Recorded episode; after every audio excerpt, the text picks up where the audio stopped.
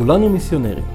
דיבורים בנושאי תנ"ך והברית החדשה, מדע ואמונה, בריאה ואבולוציה, אקטואליה ותיאולוגיה.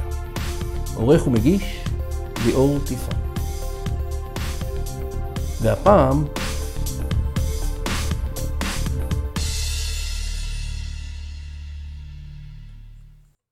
הפעם אני רוצה לדבר אליכם על המשמעות המקראית של מושגי השבועה, הנדר והברית, ועל איך המושגים הללו מגדירים ותוחמים את מערכת היחסים שלנו, בין אם כאינדיבידואלים ובין אם כעם, עם ישראל, עם אלוהי ישראל, בורא העולם. לפני כבר לא מעט שנים, כשעוד הייתי צעיר, יפה ורזה, כשעמדתי לסיים את הטירונות בצה"ל, ישבו איתנו המ"כים בוקר אחד והסבירו לנו את נושא שבועת האמונים למדינת ישראל. הסבירו לנו את מהות הטקס וגם מעט על הפרוטוקול, ולמרות שאני כבר לא זוכר הרבה מאותו השיעור, הרי שמשהו מעניין שלמדתי שם איכשהו נצרב בתודעתי. למרות שמצד אבא שלי אני בא מרקע מסורתי משהו, הרי שמצידה של אימא, שהוא גם הצד הדומיננטי יותר בחינוך שקיבלתי, הרי שהייתי מאוד חילוני. ואני זוכר שהופתעתי ממשהו שמפקד הכיתה אמר לנו באותו הבוקר, ושמעולם לא חשבתי עליו קודם לכן. המק הסביר לנו שאם יש למישהו מאיתנו הסתייגות כלשהי מהמילים אני נשבע שהוא נדרש לומר בטקס ההשבעה שלו, אולי מסיבות דתיות, הרי שהוא יכול לומר, אני מצהיר במקומן. זה הפתיע אותי. למה אני צריך להישבע אמונים למדינת ישראל, ואילו חיילים דתיים רק מצהירים אמונים? אסור לדתיים להישבע, אמר לי אחד מחבריי הטירונים. ובאותו הרגע הסתפקתי בתשובה הזו ולא נכנסתי לעובי הקורה. הבנתי שככל הנראה, מסיבה כלשהי, ההלכה הרבנית לא מתירה להולכים בדרכיה להישבע. באופן מפתיע, לא הרבה שנים לאחר מכן, כשקראתי בספר הברית החדשה, מצאתי שם מילים באותו הנושא שלימד ישוע. בבשורת מתי פרק ה', פסוקים 33 עד 37, ישוע מלמד כחלק מהדרשה המפורסמת על ההר, עוד שמעתם כי נאמר לראשונים לא תשבע לשקר ושלם לאדוני נדריך. ואני אומר לכם שלא להישבע בכלל, לא בשמיים כי כיסא אלוהים הם, אף לא בארץ כי הדום רגליו היא, ולא בירושלים שהרי קריית מלך רב היא. גם בראשך אל תשבע, כי אינך יכול להפוך שערה אחת ללבנה או לשחורה. אך תהא מילתכם כן, כן, לא, לא. יותר מזה, מנהרה הוא.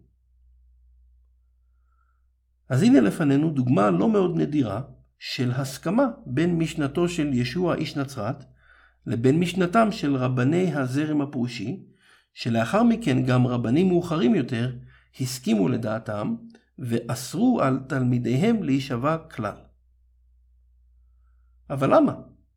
הרי יש לא מעט מקרים לאורך התנ"ך, שבו אנחנו רואים דמויות מקראיות חיוביות, נשבעות זו לזו, ואף כורתות בריתות זו עם זו.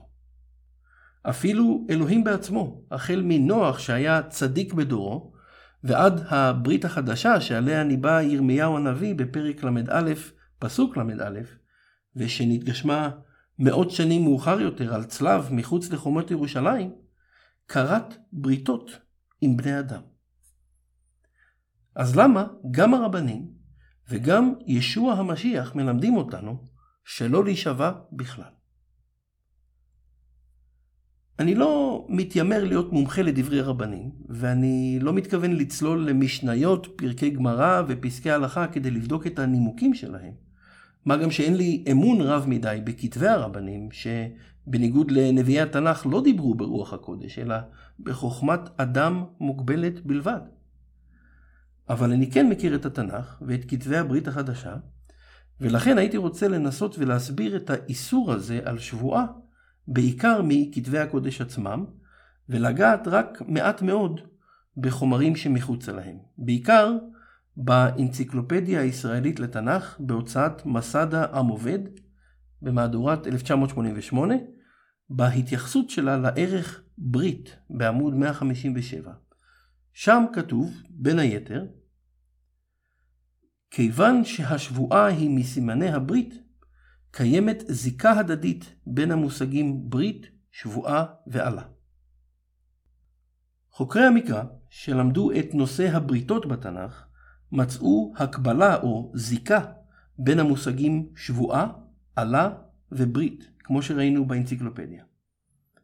ואם תרשו לי להוסיף שני מונחים נוספים שלהבנתי שייכים גם הם לאותה המקשה, הרי שהוסיף גם את המילה נדר, שישוע משווה אותו לשבועה בהדרשה על ההר, וגם את המילה אמנה, שמופיעה בספר נחמיה בסמיכות לפועל כורתים, שהוא גם הפועל המשוייך לעשיית בריתות. כך שהמילים עלה, אמנה, ברית, נדר ושבועה הן בעלות זיקה זו לזו במשמעות שלהן, והן מהוות מושג מקראי מוכר ומסורת עתיקה במזרח התיכון על מגוון תרבויותיו השונות. ואם המושג הזה והרעיון שמאחוריו היה ועודנו כל כך נפוץ, למה גם הרבנים וגם ישוע המשיח עצמו מלמדים אותנו בתוקף שלא להישבע בכלל? בניגוד להבטחה אנושית רגילה, או הסכם אנושי רגיל, הרי שהשבועה המקראית, בין אם היא נקראת שבועה, אמנה, נדר או ברית, היא הסכם שאיננו כולל רק בני אדם. לאורך ההיסטוריה, בין אם בקרב עם ישראל או בקרב הגויים ועובדי האלילים, השבועה תמיד עירבה את האל או את האלילים שאותם עבדו אותם האנשים, ושנקראו להיות משגיחי הברית או השבועה. בהקשר המקראי, הרי ששבועה שנשבעים בני אדם, בין אם לאדוני או זה לזה, היא תמיד תחת השגחתו של אדוני, אלוהי ישראל, והוא עצמו, כפי שאנחנו רואים במספר רב של מקרים בכתובים, מכיר במושג השבועה ואפילו משתמש בו. בעולם שבו בני האדם חושבים שרק דעתם היא החשובה, ומתעלמים בין אם במכוון או בשוגג מקיומו של אדוני, הרי שאין בעצם הרבה הבדל בין הפרת חוזה שכירות לבין הפרת ברית, כמו למשל ברית הנישואין. אבל בתנ"ך הרי שיש הבדל גדול בין השניים. מכיוון שחוזים והסכמים בין בני אדם נחתמים רק בין הצדדים שחתמו אותם, הרי שבהסכמת כל הצדדים אפשר לבטל אותם, אם וכאשר הנסיבות מצדיקות זאת. אבל זה לא אותו הדבר עם שבועות, נדרים ובריתות. בכל פעם שבני אדם כורתים ברית או אמנה זה עם זה, הרי שבין אם במודע או לאו, הם בעצם גם קוראים בשם האל כמשגיח על הברית כצד שלישי, והוא מחויב להעניש בחומרה את מפירי הברית, גם אם שני הצדדים אשמים בכך. בניגוד להסכמים וחוזים שהם הבטחות בין בני אדם בלבד, ברית, נדר או שבועה במקרא הוא מושג רוחני שמהווה חתונה קתולית. מושג שאין ממנו שום מוצא מכובד. שם אדוני הקדוש והבלתי ניתן לשינוי נקרא על בריתות, נדרים ושבועות, ובכך הן מקבלות תוקף בלתי הפיך. בספר קהלת ה', פסוקים ג' עד ה', שלמה המלך כותב לנו בחוכמתו את הדברים הבאים: כאשר תדור נדר לאלוהים, אל תאחר לשלמו. כי אין חפץ בכסילים, את אשר תדור שלם. טוב אשר לא תדור, משתדור ולא תשלם. אל תיתן את פיך לחתי את בשרך, ואל תאמר לפני המלאך כי שגגה היא. למה יקצוף האלוהים על קולך, וחיבל את מעשה ידיך. התואר המפוקפק כסיל, ששלמה המלך מרבה להשתמש בו לתאר את הרשעים, ניתן לאנשים שמאחרים לשלם את נדריהם, ושלמה המלך, בהשראת רוח אדוני עליו, מגלה לנו כי אין חפץ אדוני בכסילים. אני לא מאחל לאף אחד שיגיע למצב שאדוני יאמר עליו שאין חפץ בו. שלמה המלך מלמד בבירור שמוטב היה שלא להישבע כלל מאשר להישבע ולא לקיים את דבר השבועה. לפעמים, כפי שאנחנו רואים בהקשר הזה, פיו של אדם יכול לסבך אותו בחטא כבד מאוד. ולפעמים אלוהים שולח מלאכים לחבל בפועלו של אדם שנשבע לשקר, גם אם הוא טוען בכל לב שמדובר בשגגה מצידו. יכול להיות שבאמת מדובר בשגגה, ובברית שאדם נכנס אליה בקלות דעת ובבורות. אך מרגע שהברית נכרתה, הרי שהיא מחייבת. יש טעויות שאפשר לתקן אותן, אבל יש טעויות שנאלצים לשלם עליהן, לפעמים גם בדם, יזע ודמעות. המילים חיבל את מעשה ידיך מעידות על כך שאדוני מסיר את ברכתו מעמלו של אדם, ואותו האדם נחשף בעצם לקללה. בהקשר המשיחי, אני לא מתכוון לומר שאי קיומה של ברית יכול לבטל או איכשהו למנוע את ישועתו של מישהו שנושע מחטאיו בדם המשיח. מי שנמצא במשיח באמצעות אמונה כנה, הרי שישועת נפשו מובטחת.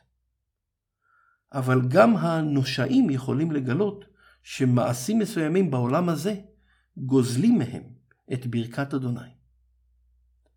ברגע שאנחנו נשבעים לשקר, או מפרים ברית או אמנה שאנחנו חתומים עליה, הרי שנפתחת דלת בחיינו למלאכים משחיתים לחבל במעשה ידינו. זו בפירוש מלכודת של השטן, שרבים וטובים מאיתנו כבר נפלו בה. אולי המקרה הברור ביותר בתנ"ך נמצא בספר יהושע פרק ט', החל מפסוק ג', שבו תחת הנהגתו של יהושע בן נון, ולמרות אזהרותיו הברורות של האל, מנהיגי העם כרתו ברית עם נציגי הגבעונים, לאחר שאלו שיקרו להם בכוונה, וסיפרו להם שהם תושבים של ארץ רחוקה מאוד. ובאופן ברור, כמו שאנחנו רואים בהקשר, אפילו ששיקרו להם וסחטו מהם ברית במרמה מפורשת. הרי שמרגע שהם כרתו את הברית, בני ישראל היו מחויבים לה, והם לא השמידו את גבעון, כשם שהשמידו את יריחו והעי.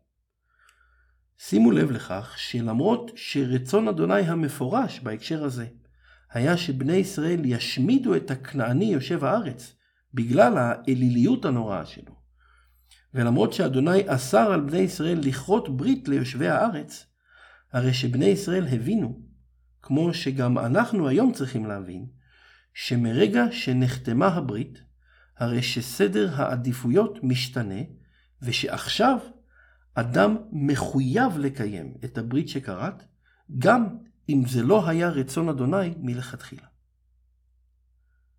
בפסוקים י"ט עד כ' אנחנו רואים את הנהגת העם מבינה שעכשיו הם מחויבים לשמור את בריתם עם הגבעונים, שמא יבוא עליהם זעמו של האל על הפרת השבועה.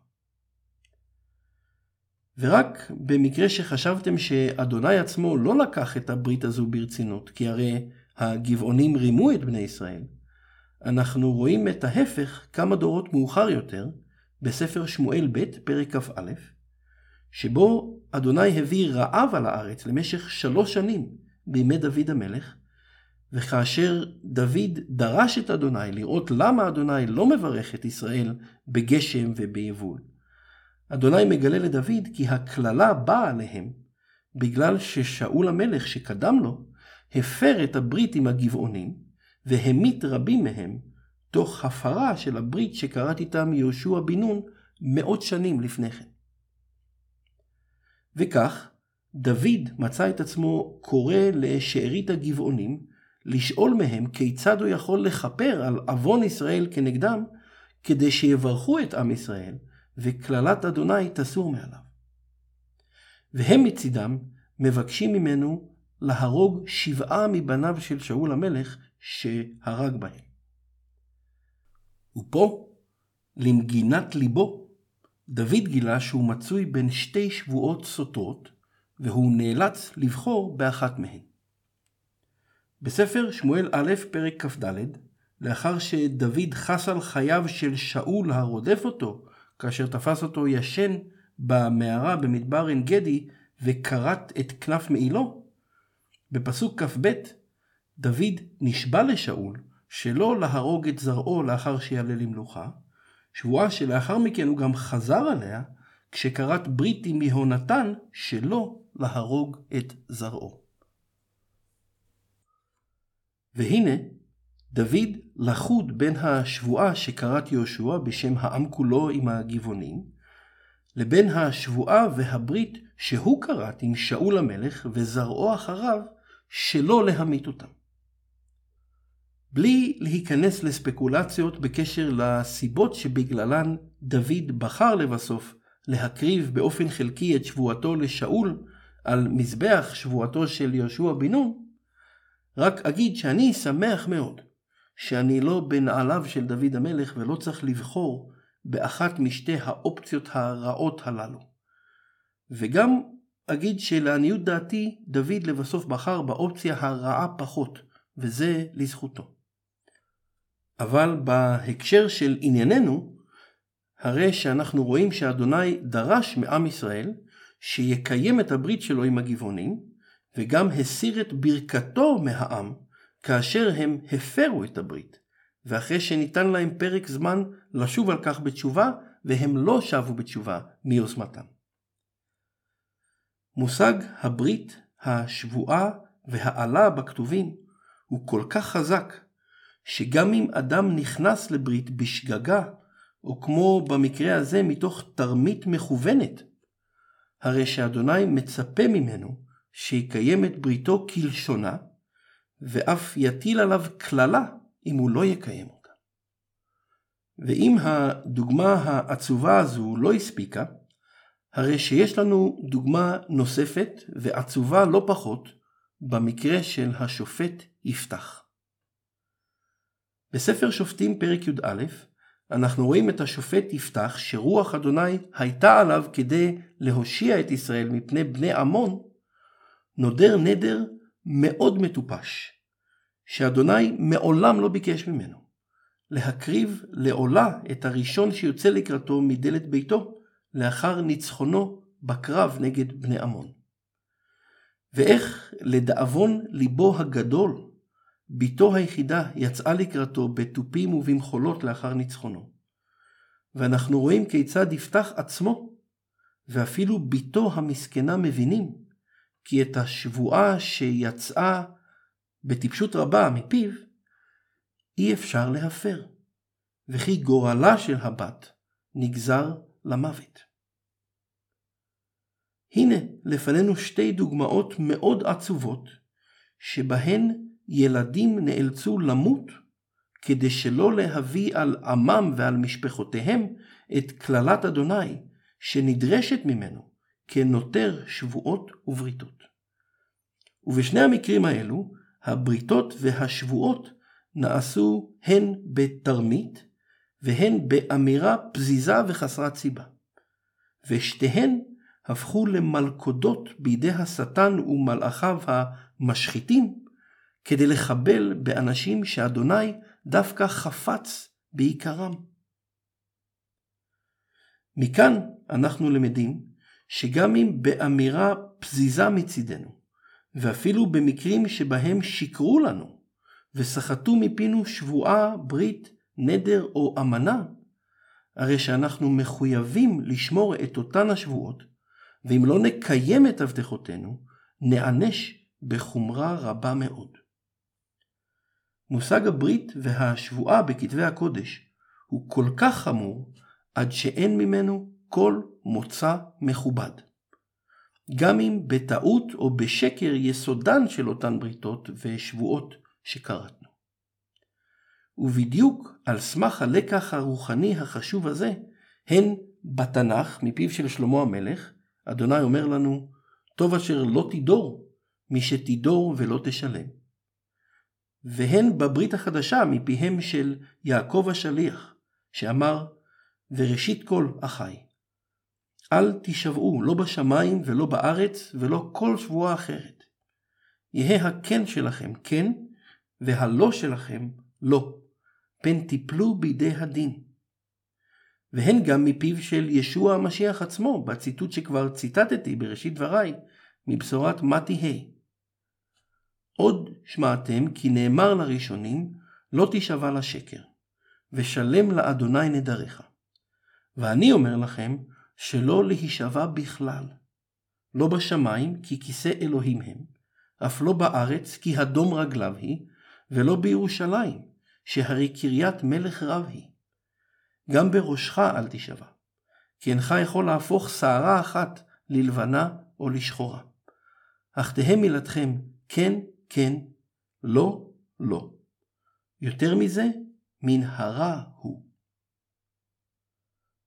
יעקב השליח מזהיר אותנו שלא ניפול בידי הדין אם נשבע לשקר, וישוע אפילו מלמד אותנו כי אדוני איננו דורש מבני אדם ליזום בריתות ושבועות מעבר לכן ולא, וכי מקורן של בריתות, אמנות ושבועות שבני אדם כביכול יוזמים מעצמם, הוא מן הרע, שהוא באופן מתבקש השטן. יש אכן חוכמה רבה מאוד, הן בדבריהם של חכמי ישראל שאסרו על השבועה, וכמובן בדבריהם של שלמה המלך, יעקב השליח וישוע המשיח, שהזהירו אותנו בחומרה כנגד שבועות, בריתות ונדרים, שאדוני איננו היוזם הבלעדי שלהם. אבל פה בדיוק נמצא אותו היוצא מן הכלל, שאיתו אני רוצה לסכם את ההסכת הזה. בחומרה רבה הרבה יותר מאשר מחומרתו כאשר הוא שופט מפירי בריתות אנושיים, אדוני מקפיד הרבה יותר על הבריתות והשבועות שהוא עצמו יזם. בניגוד לבני האדם שנשבעים בחולשה ואי ודאות ולכן נופלים בידי השטן, הרי שאדוני איננו חלש ואיננו לעולם מצוי באי ודאות כלשהי. רק הוא יודע מה סופו של דבר כבר מלכתחילה, ורק הוא חזק מספיק כדי לקיים את כל בריתותיו, שבועותיו והבטחותיו. ולכן כשאדוני בעצמו יוזם ברית עם בני אדם, אנחנו יכולים להיות סמוכים ובטוחים שהיא תקוים כלשונה המדויקת. אלוהים מעצם טבעו המושלם איננו יכול לשקר ואיננו יכול שלא לקיים את הבטחותיו. הוא לבדו הנאמן האמיתי. והוא יזם בריתות רבות של חסד והבטחה, הן עם בני נוח שהם כל בני האדם, והן עם צאצאי אברהם, יצחק ויעקב שהם בני ישראל. אנחנו רואים בתנ"ך כמה וכמה בריתות שאדוני כרת עם בני האדם. בריתות כמו ברית נוח, ברית אברהם וברית סיני, שניתנה למשה רבנו, שהן בריתות של חסד והבטחה. אבל יש עוד ברית בתנ"ך, שעליה מספרים לכם, עם ישראל, הרבה הרבה פחות. בעצם, ברית שרבים בכלל לא יודעים על קיומה, ושהרבנים מדברים עליה רק כשדוחקים אותם לפינה בעת ויכוחים עם משיחיים כמוני. הברית החדשה, שעליה ניבא לנו ירמיהו הנביא בפרק ל"א בספרו. הנה ימים באים, נאום אדוני, וחרדתי את בית ישראל ואת בית יהודה ברית חדשה. לא כברית אשר קראתי את אבותם ביום החזיקי בידם להוציאם מארץ מצרים, אשר המה הפרו את בריתי, ואנוכי בעלתי בם, נאום אדוני. כי זאת הברית אשר אכרות את בית ישראל אחרי הימים ההם, נאום אדוני, נתתי את תורתי בקרבם, ועל ליבם אכתבנה, והייתי להם לאלוהים, והמה יהיו לי לעם. ולא ילמדו עוד איש את רעהו ואיש את אחיו לאמור דעו את אדוני, כי כולם ידעו אותי, למקטנם ועד גדולם, נאום אדוני. כי אסלח לעוונם, ולחטאתם לא אזכור עוד. כבר פעמיים יצאנו כעם לגלות שרק מעטים חזרו ממנה. וכבר פעמיים ראינו את ירושלים חרבה. הגלות הראשונה הייתה אמנם קצרה יותר ונמשכה ביהודה רק 70 שנה, אבל שימו לב כמה מעטים היו אלו שחזרו ממנה. רובו המוחלט של עם ישראל נטמע בגויים ונעלם. וכאילו שלא למדנו דבר מהגלות הראשונה, הרי שפחות מ-500 שנה לאחר מכן, נענשנו שוב בגלות נוספת וארוכה מאוד, שרק היום אנחנו מתחילים לראות אותה מגיעה לסופה. אין ספק שעם ישראל הפר את הברית שכרתנו עם אדוני במעמד הר סיני. אבל אם היה ספק כזה, הרי שבפסוקים אלו ירמיהו הנביא אומר לנו במפורש בשם אדוני, המה הפרו את בריתי. אבל במקום לוותר עלינו, במקום להשמיד את העם קשה העורף הזה, שכבר פעמיים נענש בחומרה על הפרת הברית, אדוני בפי הנביא מבטיח לנו ברית מסוג אחר. ברית שלא נוכל יותר להפר אותה. ברית שאיננה יותר לעולם, כלומר בעולם הזה, אלא ברית שתוצאותיה יהיו נצחיות גם בעולם הבא. הרי בעצם, מהי הבעיה שלנו עם ברית סיני? למה אנחנו לא מצליחים לשמור אותה כבר אלפי שנים? הבעיה היא שהברית כתובה בסלע. נכון, ברית שכתובה בסלע קשה מאוד למחוק, אבל גם קשה מאוד לשמור. הנביא ישעיהו אמר לנו ברוח אדוני, ויאמר אדוני, יען כי ניגש העם הזה, בפיו ובשפתיו כיבדוני, וליבו ריחק ממני, ותהי יראתם אותי מצוות אנשים מלומדה. עם ישראל מכבד את אדוני בפיו ובשפתיו, אבל ליבו רחק מאדוני, ויראת אדוני הפכה למסורת במקום לאמונה חיה ודינמית. התורה שכתובה בסלע איננה כתובה בלבבנו. אנחנו יודעים לקרוא אותה ולפרש חלקים ממנה, אבל אנחנו לא יודעים לשמור אותה עמוק בליבנו. ואת זאת בדיוק אדוני בא לתקן בברית החדשה. אותה הברית שעליה מנבא לנו ירמיהו, מבטיחה לנו שני דברים. הראשון הוא בדיוק זה, שהתורה תיכתב בליבנו, ושנהיה עם לאדוני לא רק באופן לאומי, אלא באופן אישי. שכולנו נכיר את אדוני באופן אישי ולא נצטרך רבנים ונביאים שילמדו אותנו להכיר את אדוני, אלא שכל אלו שבאו באותה הברית יכירו אותו בליבם באופן אישי. במילים אחרות, רוח אדוני, אותו רוח הקודש שריחף על פני המים בראשית הבריאה, ושבכוחו והשראתו ניתנה התורה, וניתנו נבואות נביאי האמת, יבוא וישכון בקרבנו. אבל מתוקף הצו המקראי להפרדה בין קודש לחול, בין קודש לטומאה, אנחנו יכולים להבין שכל עוד שליבו של אדם טמא בחטאיו מלפני אדוני, הרי שרוח אדוני הקדושה איננה יכולה לשכון בו. ולכן, כתנאי לשכינת רוח הקודש בליבו של האדם, אדוני יעשה משהו שבזכותו יסלחו כל עוונותינו, וחטאתנו לא תיזכר עוד. שתי ההבטחות שירמיהו מספר לנו עליהן הן סליחת חטאים מוחלטת וסופית, ושכינת רוח אדוני בליבם של בני בריתו החדשה. ואלו בדיוק ההבטחות שמופיעות בספר שלו אנחנו קוראים הברית החדשה, בגלל הנבואה הזו. התורה מלמדת אותנו שסליחת חטאים ניתנת רק על ידי דמו של קורבן טהור וללא מום, והברית החדשה מספרת לנו על ישוע איש נצרת, שהיה מזרע דוד המלך, ושחי את אותם החיים המושלמים שאתם ואני לא יכולנו לחיות. חיים שלמים בטהרה מוחלטת וללא כל חטא. וכשהוא מת על צלב רומי לפני כאלפיים שנה, הוא לא מת על חטאיו שלו, שלא היו לו, אלא על חטאת העולם כולו, על חטאו של האדם הראשון ואשתו, שהוא מקור כל החטא האנושי.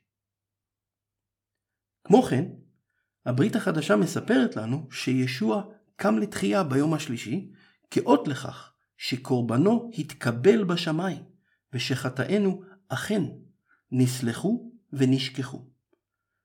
ושכל מי שישים את מבטח ליבו בישוע המשיח וקורבנו, יקבל בשמו סליחת חטאים מלאה וחיי עולם במלכות האלוהים.